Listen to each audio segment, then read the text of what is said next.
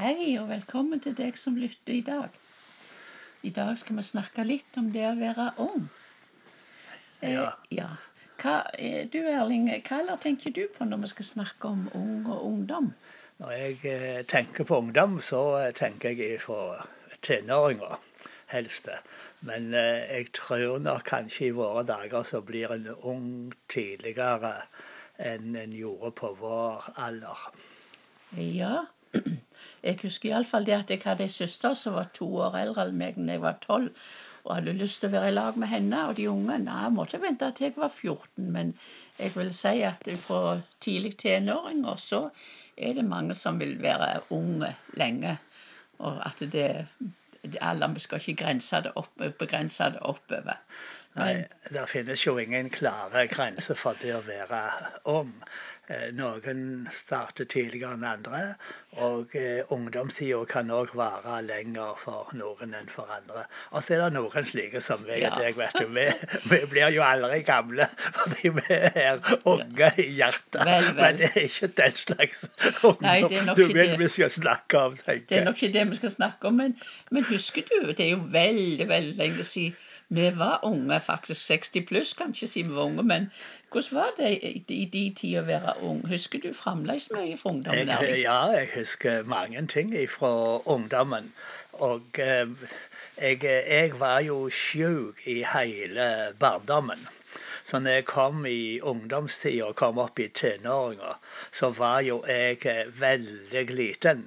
Og eh, det var litt slitsomt. Og jeg var på en måte seint utvikla.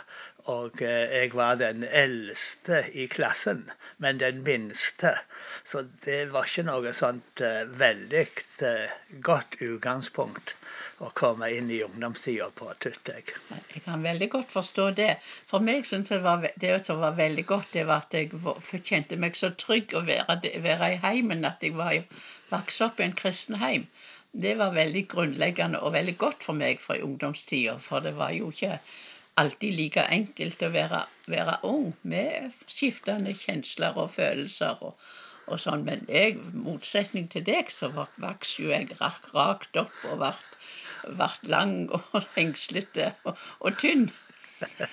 Jeg kan aldri huske at du var lang og hengslete og tynn, men jeg husker at du, du var en hode Minst en hode høyere enn meg den første gangen når, når vi gikk i hand i hand rundt juletreet på Ebenezer.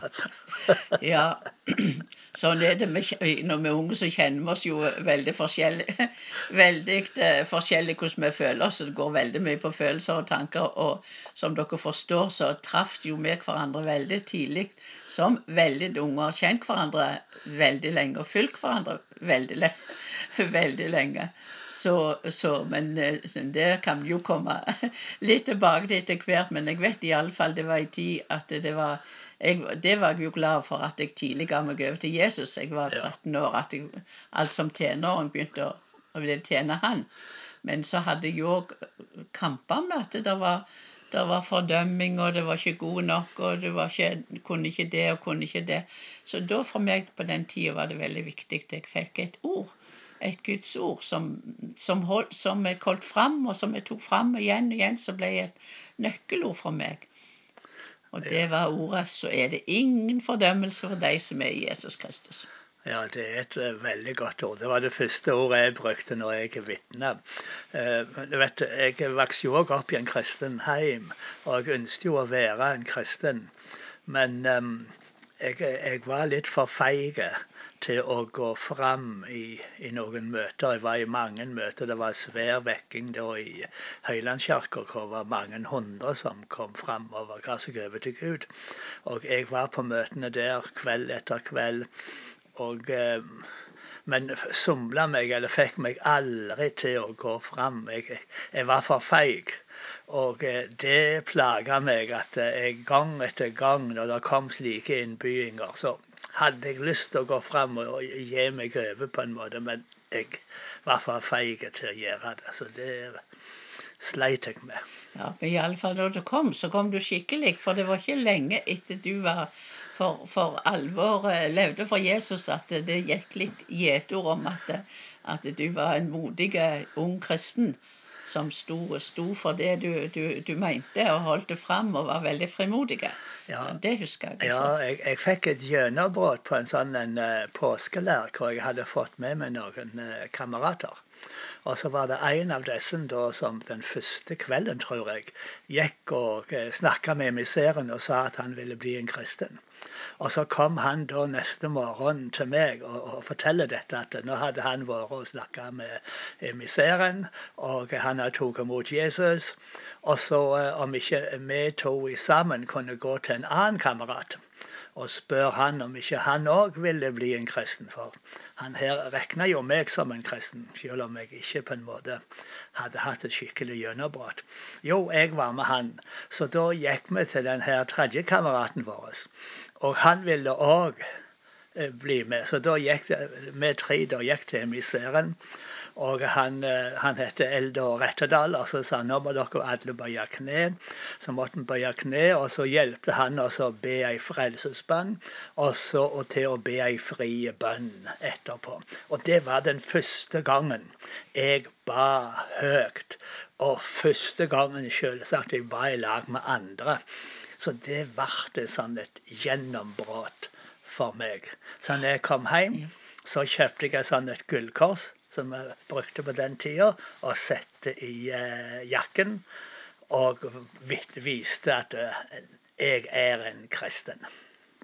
Veldig bra. Men det var, for meg var det jo at jeg var, jeg var jo en kristen, for så vidt kan si jeg var en kristen, men, og trodde på Jesus. Jeg hadde min barnetro og trodde på Jesus. Så, så, men eh, jeg kom til at jeg må ha et avgjort standpunkt. Jeg kan ikke bare For det mor og far tror, så tror jeg jeg ville vært mer bevisst. Så når det var vekkelse, og det siste møtet var, så var meg og venninne sammen. Vi, vi var så bestemte på dette. Vi ville gå fram og vise for alle og enhver at vi ville tro på Jesus og følge han. Så det gjorde vi. Gjorde vi gikk fram og bøyde kne, og, og vi fikk samtaler med med pastor, eller den forkynneren der.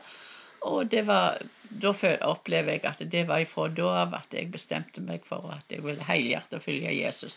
Men det som var så godt, det var at, at vi hadde et godt miljø. Jeg tror det er veldig godt når man er ung, at en har venner og ikke er alene. Ja, det er veldig viktig. Et miljø. Ja. Så, så, jeg hadde et, gode venninner, og så var jeg med, tidlig begynte jeg å å være med i yngres musikk og, og spille. For vi likte å spille, begynte å spille litt gitar, så det var veldig godt.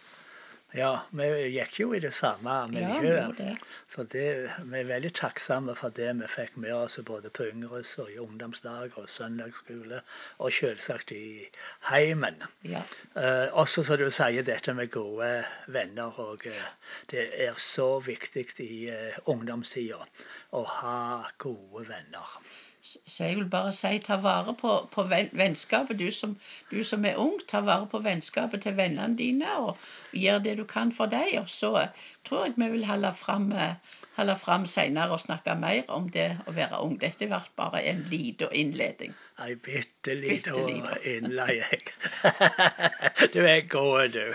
Men, men ha en god dag videre.